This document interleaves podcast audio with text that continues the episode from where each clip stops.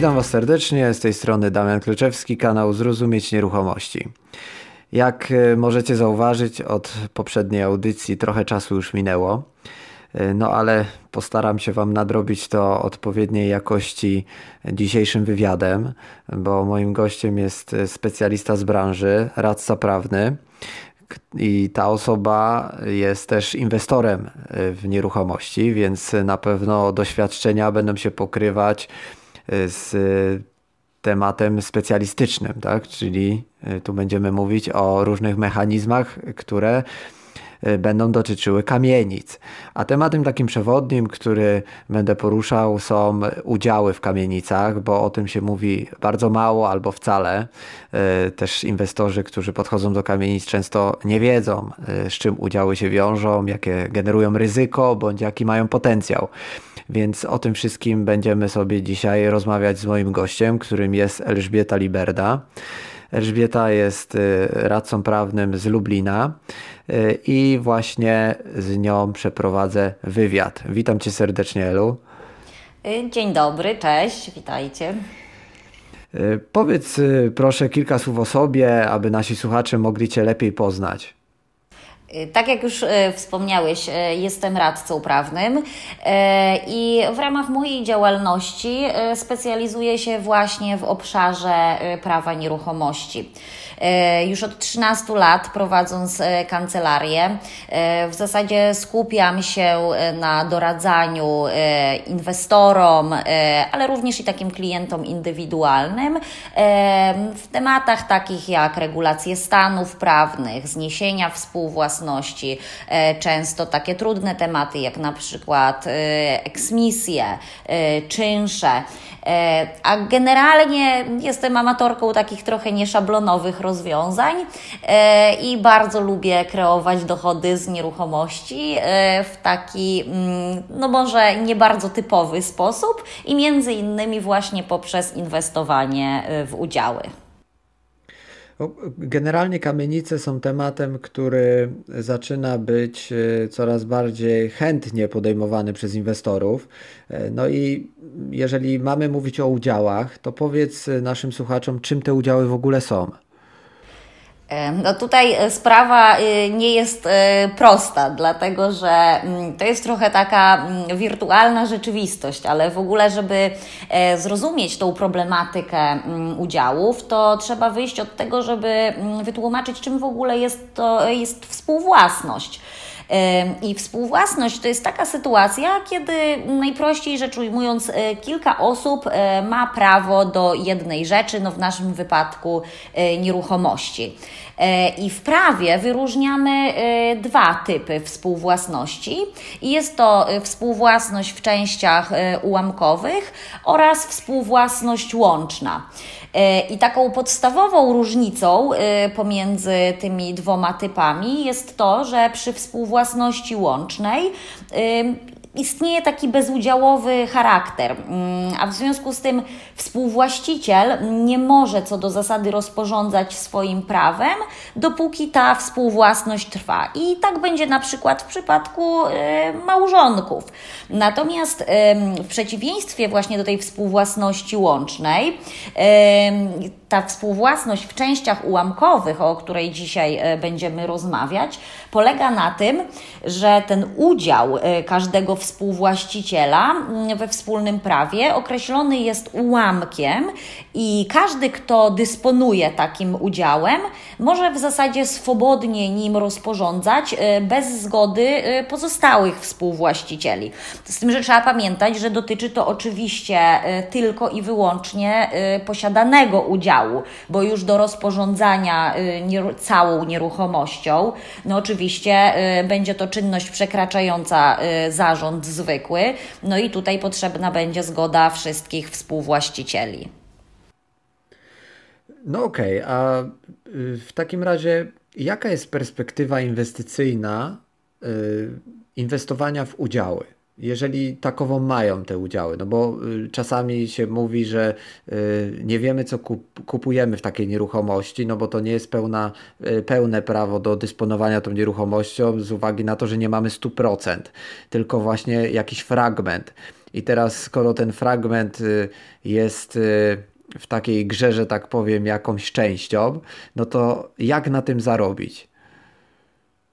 W mojej ocenie y, potencjał tutaj inwestycyjny jest tak naprawdę ogromny, y, tylko tyle, że no niestety nie jest to takie proste. Y, dlatego, że do inwestowania w udziały potrzeba no nie tylko mieć doskonałą znajomość prawa, ale także trzeba mieć e, sporo sprytu, dlatego że tutaj e, takie czynności natury formalno-prawnej e, mają znaczenie, mm, ale jakby bardzo istotne są też czynności natury faktycznej, związane z bardzo dobrym przeprowadzeniem tak zwanego due diligence nieruchomości, czyli audytu prawnego i faktycznego tej struktury współwłasności i również umiejętnego jakby jakby objęcia w posiadanie y, lokalu. Y, a dlaczego to, y, mówię, że tutaj potencjał inwestycyjny jest ogromny? Dlatego, że wyobraźmy sobie taką sytuację, że mm, mamy na przykład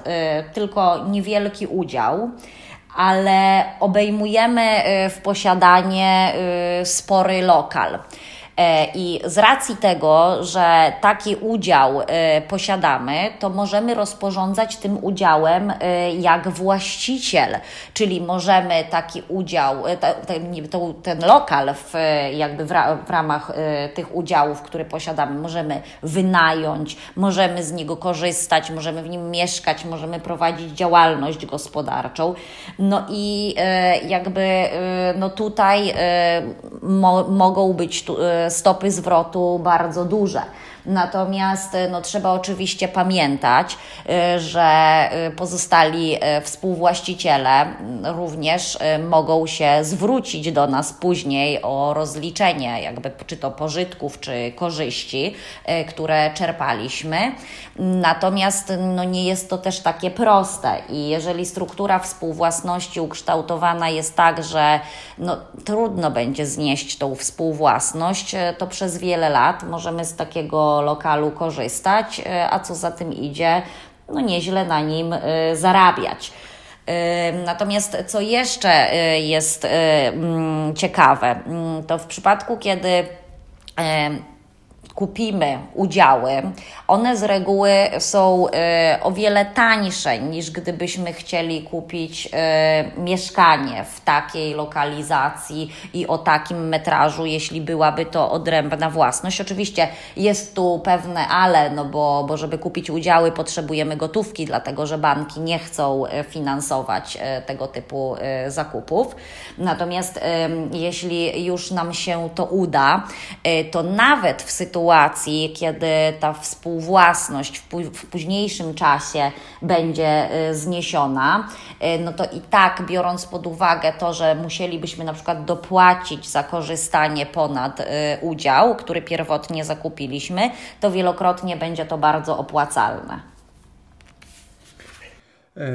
No, a skoro tutaj pewne korzyści mamy y, z takiej inwestycji w kamienicę, kiedy inwestujemy w udziały dopiero wtedy, kiedy powiedzmy ta współwłasność zostaje znoszona i, i wszyscy się dogadują, to powiedz, y, jak wygląda ten proces od strony formalnej? Jakie dokumenty czy jakie kroki trzeba poczynić, żeby faktycznie doprowadzić do zniesienia tej współwłasności i czy to się udaje? Jak, w jakim czasie się to udaje w ogóle robić?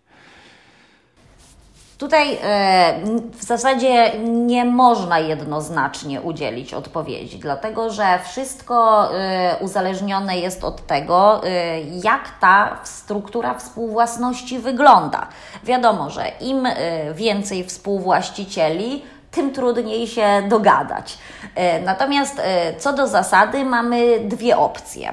Współwłasność można znieść albo umownie, ale oczywiście wtedy musimy mieć zgodę wszystkich współwłaścicieli i wtedy wystarczy pójść tylko do notariusza i określić sposób zniesienia tej współwłasności właśnie w umowie. Oczywiście umowa taka, ponieważ dotyczy nieruchomości, musi być zawarta w formie aktu notarialnego. W treści takiej umowy zawiera się oświadczenia o przeniesieniu udziałów, właśnie ten sposób, w jaki znoszona jest współwłasność. Ale co, co jeszcze?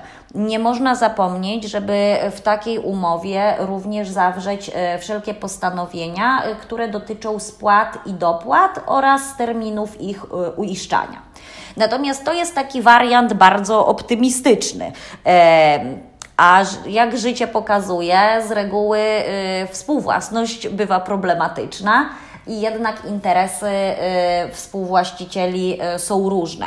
Wtedy nie pozostaje nic innego mm, jak y, sądowe zniesienie współwłasności.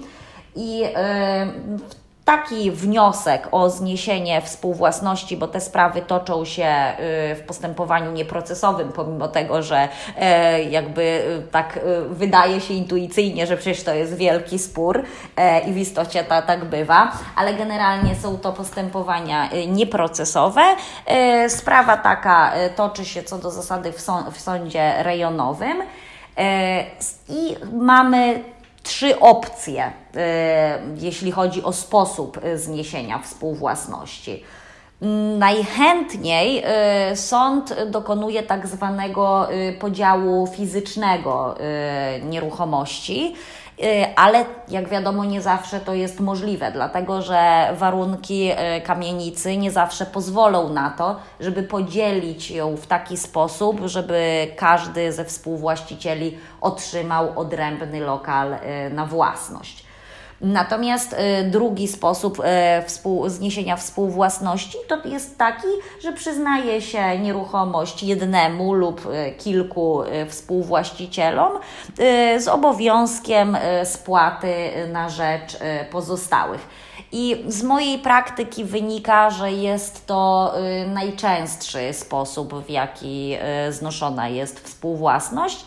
Tutaj warto też e, wspomnieć, że mm, mamy możliwość, jeżeli na przykład będziemy wnioskować o przyznanie nam na własność e, takiej nieruchomości, to mamy również możliwość, żeby sąd terminy tych spłat rozłożył na raty.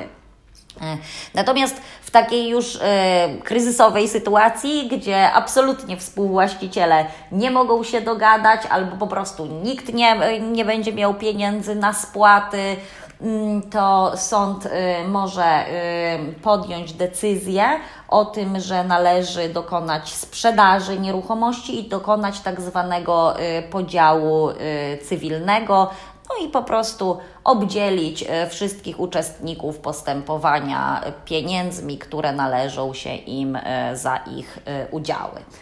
Także to pokrótce tak wygląda y, ten wstępny y, etap prowadzenia postępowania. Natomiast jakby w kolejnych krokach y, też należy pamiętać o tym, że w toku takiej sprawy mogą się pojawić żądania współwłaścicieli co do y, rozliczenia się na przykład z tytułu y, pożytków i korzyści. E, I o co w tym wszystkim chodzi? Bo to takie niby na pozór proste, ale tak naprawdę to są bardzo, bardzo skomplikowane kwestie dlatego że y, po pierwsze, tutaj y, sąd y, zawsze obligatoryjnie dopuszcza dowód z opinii biegłego rzeczoznawcy, który tego typu rozliczeń dokonuje. I jeśli na przykład któryś z współwłaścicieli miał e, w posiadaniu przez wiele lat e, lokal o powierzchni znacznie przekraczającej tą, która by wynikała z udziału, jaki posiada, i na przykład wynajmował taki lokal, no to wtedy będzie musiał się rozliczyć z tytułu pożytków pobieranych, czyli no, krótko mówiąc, z czynszu najmu. Natomiast e, w sytuacji, gdyby ktoś taki lokal wykorzystywał na własne potrzeby, no to wtedy może zostać zobowiązany do tego, żeby rozliczyć się z tytułu tak zwanych e, korzyści. I mm, tutaj, jeśli chodzi o te rozliczenia, to trzeba być bardzo ostrożnym. Dlatego, że jeżeli mamy taką sytuację, że na przykład posiadamy stosunkowo niewielki udział, a jesteśmy w posiadaniu dużego lokalu, to w przypadku zniesienia współwłasności y, możemy nie tylko zostać zobowiązani y, do spłaty no, bardzo wysokich kwot z tytułu rozliczeń z innymi współwłaścicielami, ale nawet możemy stracić taki lokal. I tutaj co ważne, trzeba pamiętać, bo bardzo często osoby myślą, że mm, sąd liczy to w taki sposób, że odnosi e, tylko e, wartość udziału do metrażu lokalu. Tak nie jest. E, tych rozliczeń dokonuje się tak zwaną metodą wartościową i e, sąd e, bierze, pod, porównuje, e, ile warty jest udział do wartości lokalu, bo jak wiadomo, lokal na parterze no, będzie dużo więcej warty niż na przykład ten, który jest na drugim piętrze. Także o tym nie można zapomnieć.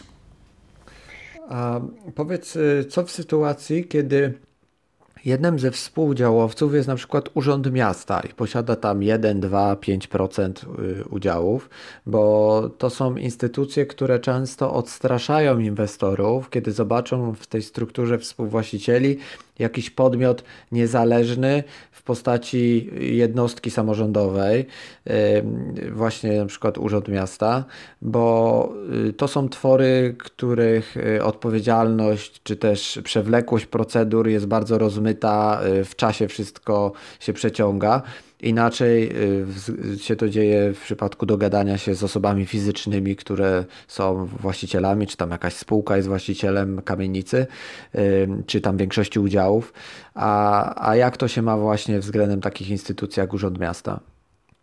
No rzeczywiście tutaj y, nie da się ukryć, że sytuacja się lekko komplikuje, bo tak jak właśnie wspomniałeś, no procedury są bardzo długotrwałe.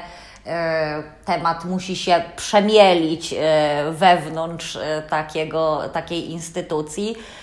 I, I rzeczywiście, no, dokonując analizy struktury współwłasności, jeżeli myślimy o tym, żeby docelowo tą współwłasność znieść, to absolutnie nie jest tak, że nie da się tego zrobić, natomiast y, na pewno nie da się tego zrobić szybko.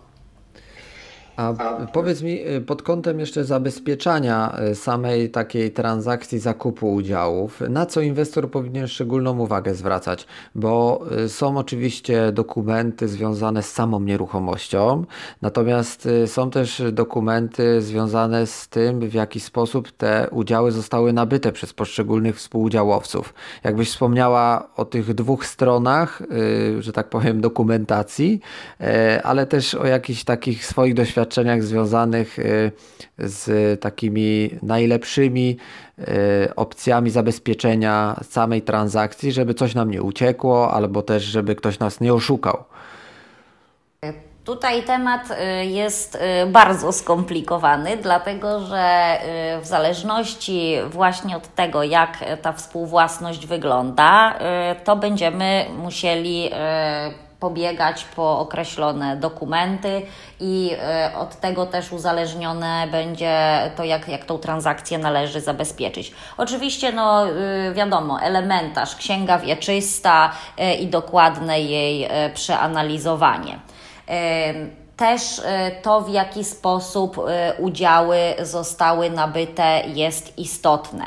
Jeżeli y, są to udziały nabyte w drodze spadku, to tutaj też trzeba pamiętać, że do transakcji będą konieczne odpowiednie dokumenty, takie jak chociażby zaświadczenia z Urzędu Skarbowego, o, o tym, czy podatek został zapłacony, czy też może się nie należał. Ale to jest jakby elementarz i każdy notariusz to podpowie. Natomiast to, kiedy wśród moich klientów, to co ja zauważyłam, gdzie najczęściej ludzie popełniają błąd, to jest sytuacja, kiedy dokonują e, zapłaty e, za udziały, zanim obejmą w posiadanie lokal, który hipotetycznie powinni objąć. Dlaczego? Dlatego, że często jest tak, że idziemy na akt notarialny, jak wiadomo, kiedy składamy podpisy, to dochodzi już do przeniesienia własności. I jeśli nie daj Boże okaże się, że pomiędzy jakby tymi czynnościami, czyli od momentu, kiedy złożymy podpisy na akcie notarialnym, do momentu, kiedy idziemy zrobić protokół odbiorczy i chcemy, chcemy wejść do, do lokalu, yy, na przykład inny współwłaściciel objąłby taki lokal, yy, to należy pamiętać, że w zasadzie nie będziemy mogli zrobić nic i dokonamy zakupu tak zwanego pustego udziału, dlatego że nie ma możliwości eksmitowania jednego ze współwłaścicieli. I wtedy jedyną drogą, no to tak naprawdę będzie tylko sprawa o zniesienie współwłasności. Natomiast można się jeszcze tutaj y, próbować y, zabezpieczyć y, w taki sposób, żeby e, poprosić e, tego sprzedawcę, e, aby wcześniej, o ile tego nie zrobił, zawarł umowę o tak zwany podział kwot uzum, czyli podział do korzystania. I wtedy mówi się o tym, że kupujemy udziały z tak zwanym wskazaniem na lokal. Tutaj też oczywiście o te y, kwestie jakby przeniesienia posiadania trzeba zadbać, ale to już daje nam y, trochę większą y, pewność, że no właśnie ten lokal w ramach udziałów otrzymamy.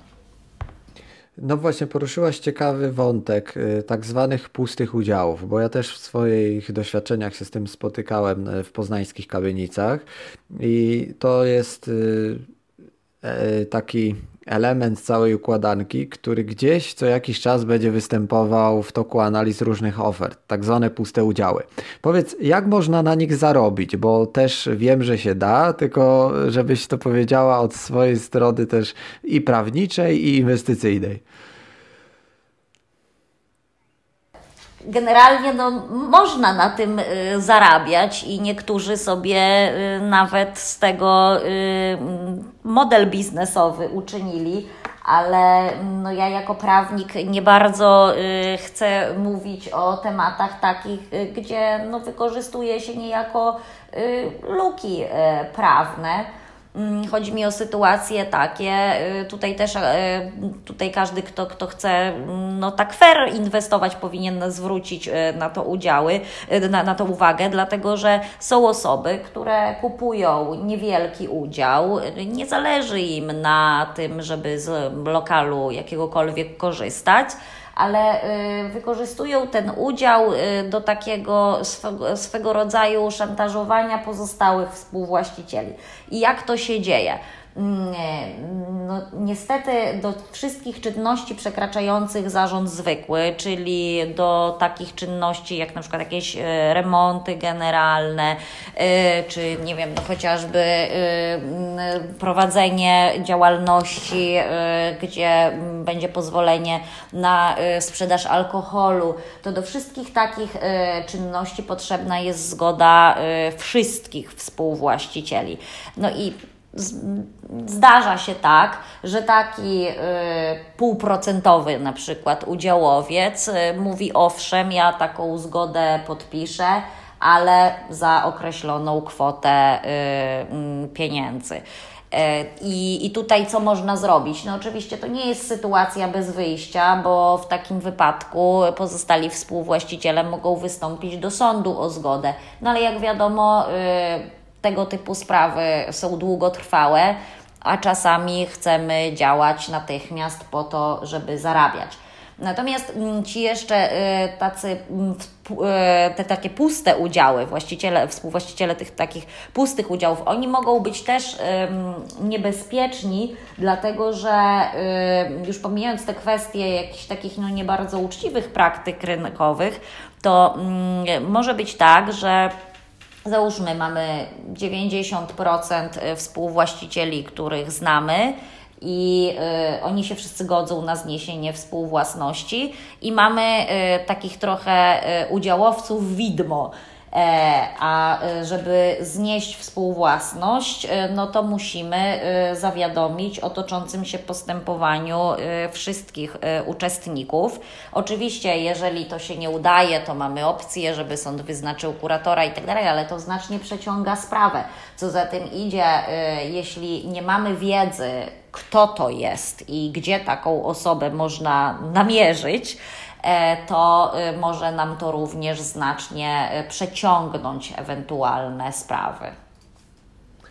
A powiedz, y, jak wyglądałaby sytuacja taka już typowo mm, cashowa, czyli chcemy zarobić na tym udziale w postaci wynajęcia lokalu czy też jego sprzedaży i jak od strony formalnej powinno to wyglądać, że wynajmujemy lokal tak jak każdy inny Y, tak jak na zwykłych umowach najmu, czy taka umowa powinna zakładać jakieś specyficzne zapisy w związku z tym, że mamy udział, a nie własność tego lokalu. Y, czy też w przypadku sprzedaży, no sprzedajemy udział, ale de facto ktoś kupuje lokal. Y, I, i, I możemy tym manewrować, tak jak to wcześniej opisałaś, ale czy taka transakcja, czy też umowa najmu powinna zakładać jakieś specjalne zapisy, żeby to było bezpieczne dla obu stron. To tak, e, zacznijmy może od tego najmu. E, jeśli chodzi o samą umowę, to e, Szczególnie y, nie różni się ona od y, typowej umowy najmu. Jak wiadomo, wynajmujący nie musi być właścicielem y, rzeczy, ale tutaj i tak jakby nie ma to znaczenia, dlatego że z samej jakby istoty współwłasności wynika, że współwłaściciel może rozporządzać nieruchomością według własnego uznania. Co za tym idzie, taką umowę najmu oczywiście może zawrzeć. Ale co jest istotne, to o czym mówiłam wcześniej, y, jeśli chodzi o y, roz, późniejsze y, rozliczanie pożytków pobieranych z tytułu czynszu najmu.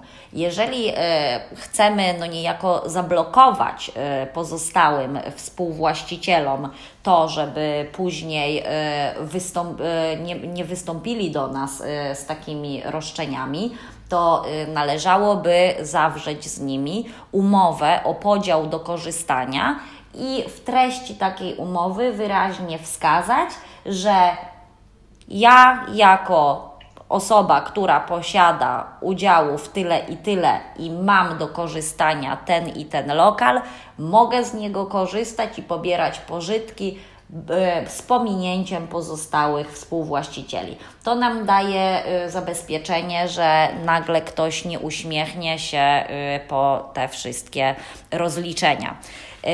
Natomiast w przypadku sprzedaży, Tutaj też, jeżeli mamy, jeżeli sprzedajemy lokal i w, jeżeli sprzedajemy udział i w ramach tego udziału mamy prawo do korzystania, to tak jak to piszą notariusze w aktach notarialnych, jest sprzedawany udział określony ułamkiem takim i takim i w ramach tego udziału, załóżmy Kowalski ma prawo do korzystania z, nieruchom- z lokalu położonego, załóżmy na pierwszym piętrze o powierzchni takiej i takiej.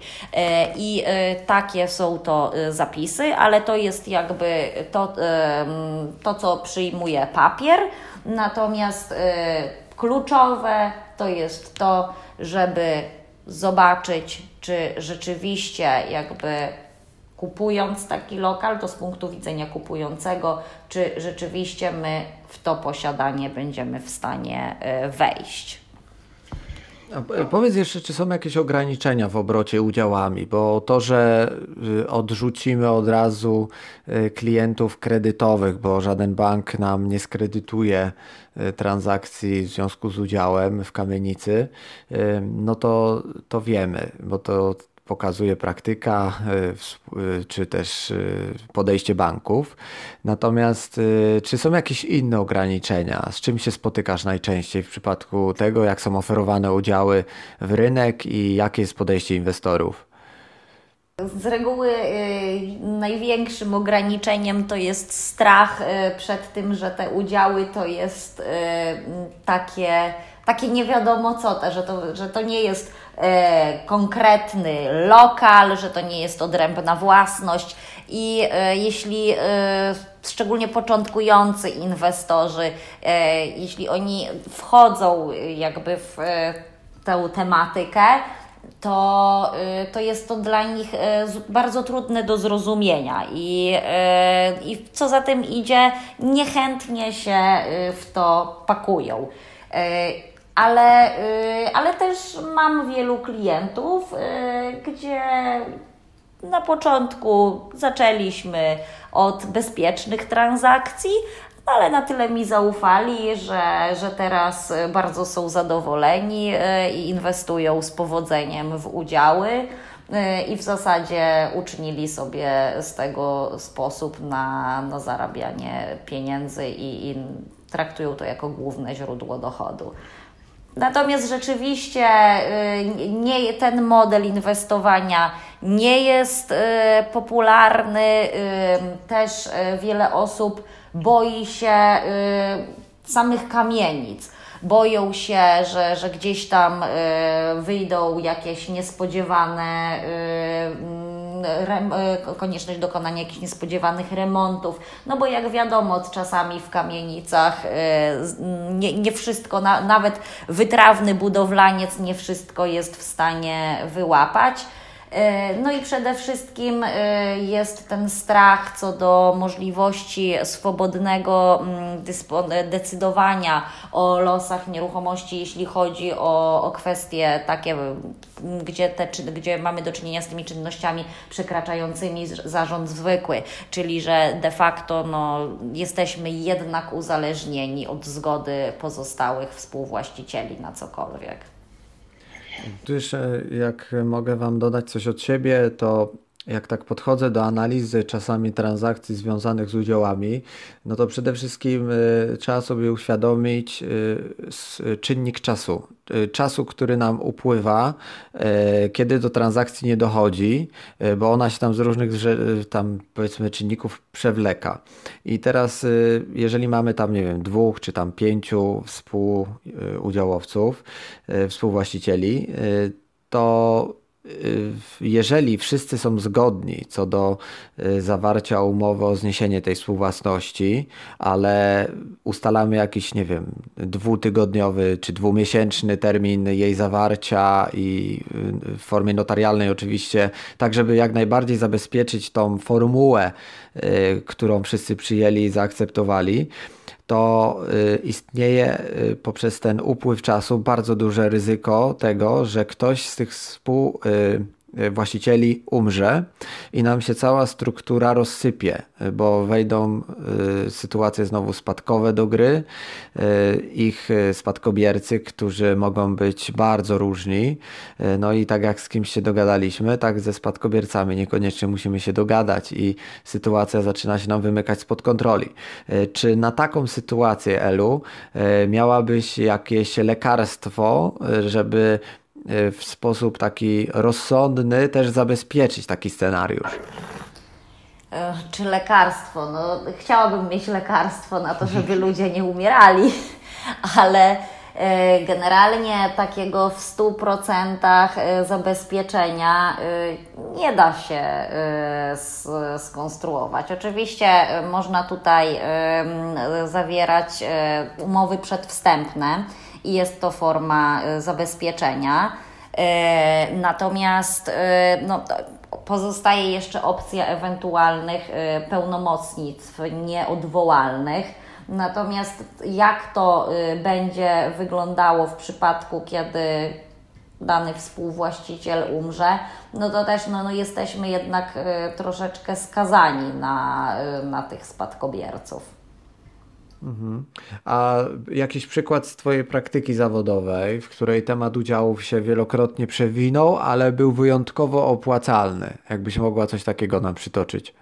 Wyjątkowo opłacalny. No staram się y, tak pomagać inwestować w y, udziały, żeby y, te tematy były mocno opłacalne. Natomiast nawet ostatnio, z, przed dwóch tygodni, y, temat lubelski udało się e, kupić e, stosunkowo nawet sporo udziałów w nieruchomości w kamienicy i w ramach tych udziałów moi klienci objęli w posiadanie trzypokojowe mieszkanie. Tam co prawda y, nie było zrobionego żadnego podziału kwotuzum, ale pozostali współwłaściciele tak naprawdę za specjalnie nie interesują się y, losami nieruchomości. Zbadaliśmy tą strukturę współwłasności tak, że no tam jest kilkanaście osób. Y, są też osoby już w bardzo zaawansowanym wieku. Na tą chwilę moi klienci już wynajmują mieszkanie. Znaczy, już jest podpisana umowa przedwstępna, bo, bo jest to super topowa lokalizacja. Wiadomo, w, w remont trzeba będzie no, trochę włożyć. Natomiast y, umowa, która została podpisana, to jest na 3100 y, netto na rękę, także y, no tutaj jakby widoków na to, żeby ta współwłasność szybko została zniesiona i żeby oni ten lokal, który objęli w posiadanie, stracili, to, to raczej nie ma, także myślę, że będzie to bardzo rentowna inwestycja. Także natomiast no, prawda też jest taka, że m, takich perełek y, nie ma wiele na rynku i trzeba po prostu w tym siedzieć. Ale też prawda jest taka, że wiele razy y, ludziom po prostu no, tak się życie poukłada, że muszą y, szybko coś sprzedać. E, jeżeli jesteśmy czujni, to, to takie okazje e, można, można na pewno na rynku znaleźć i, i ja je też znajduję.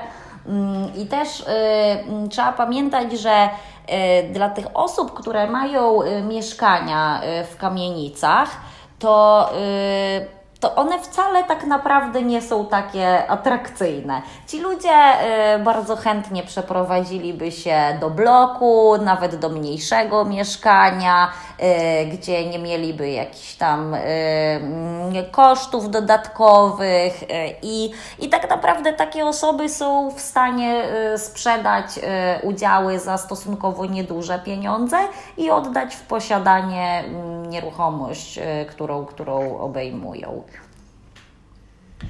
No, także sami możecie usłyszeć, że z jednej strony jest to temat ciekawy, z drugiej ryzykowny, ale patrząc na to, jak wygląda dzisiejszy rynek nieruchomości, no to trzeba się interesować y, różnymi ofertami, bo y, skończył się czas łatwych y, deali, łatwych okazji, więc czasami te okazje trzeba wykreować. No i między innymi kamienice dają taki potencjał. Fajnie, jak jest jeden właściciel i, i z nim wszystko idzie dograć, zrobimy transakcję, podzielimy sobie budynek tam na ileś mieszkań w środku i będziemy to sprzedawać na sztuki czy, czy wynajmiemy. E, ale jest też opcja właśnie w postaci udziałów, którą tutaj usłyszeliście. Jest to opcja opłacalna, e, ale trzeba ją robić z głową, dużo większą rozwagą niż w przypadku standardowych e, flipów. Więc zachęcam Was przede wszystkim do analizy rynku lokalnego.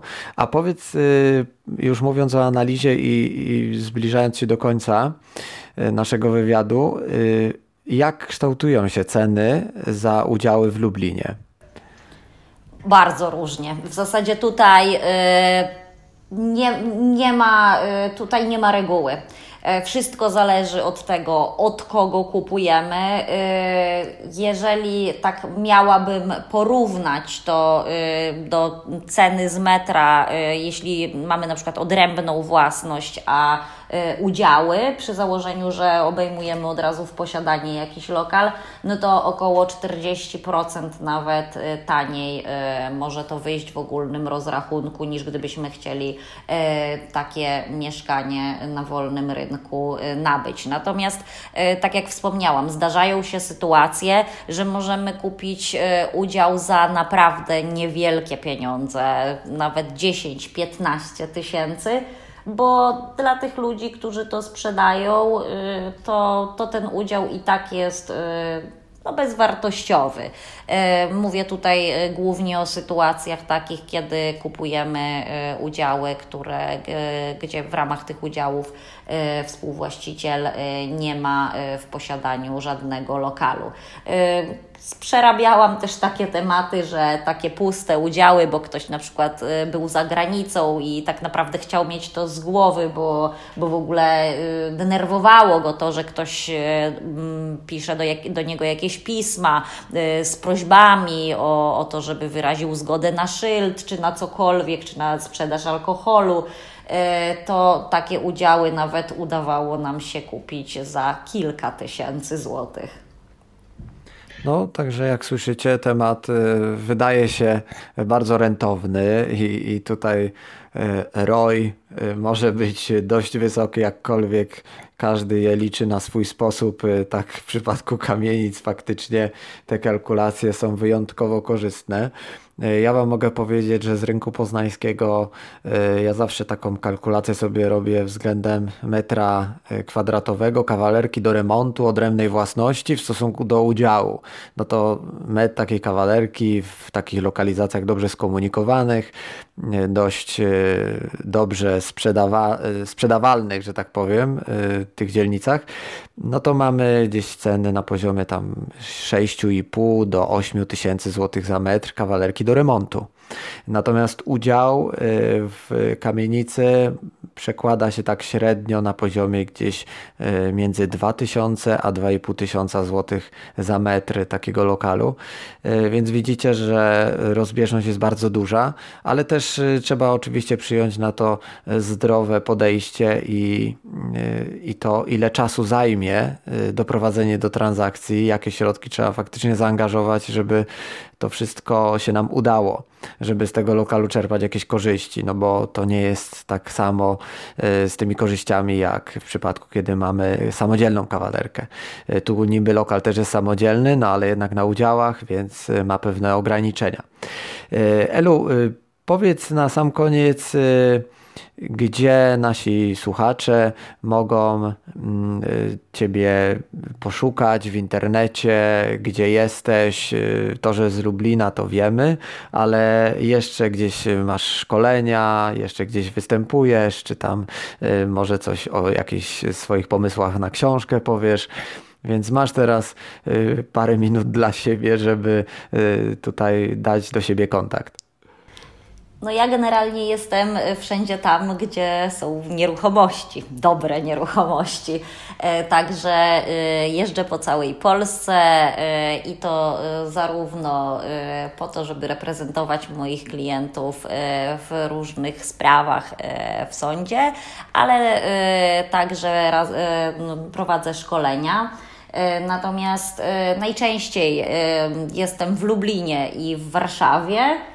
E, ale mm, doradztwo e, prowadzę e, głównie mm, online'owo. Teraz w zasadzie nikt już nie ma czasu na to, żeby spotykać się z prawnikiem w kancelarii, a ja też jestem takim prawnikiem, że jeśli chodzi o sprawy dotyczące nieruchomości, to ja lubię tą nieruchomość zobaczyć i, i poznać jakby towar, z którym pracuję.